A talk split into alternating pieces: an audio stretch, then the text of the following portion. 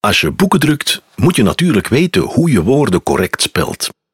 En de grammatica van een taal moet vastliggen. Je hebt regels nodig. Maar voor het Nederlands zijn die er in de 16e eeuw nog niet. Dat er regels nodig zijn, ervaart Cornelis Kiliaan als geen ander.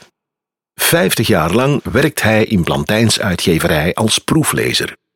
Proeflezers zijn geleerde mannen die hun talen kennen en drukproeven verbeteren. Kiliaan woont zelfs in de uitgeverij, als weduwenaar met drie kinderen. Woordenboeken worden Kiliaans levenswerk. Hij maakt onder meer dit eerste verklarende woordenboek van het Nederlands.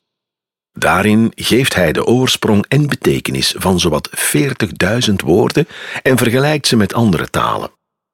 Voor de Brabander Kiliaan is het Brabants het echte Nederlands. Niet het Vlaams, Hollands, Zeeuws, Fries of andere streektalen.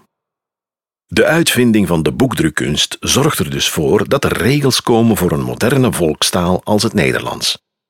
Het onderzoek naar talen en taalfamilies neemt een hoge vlucht.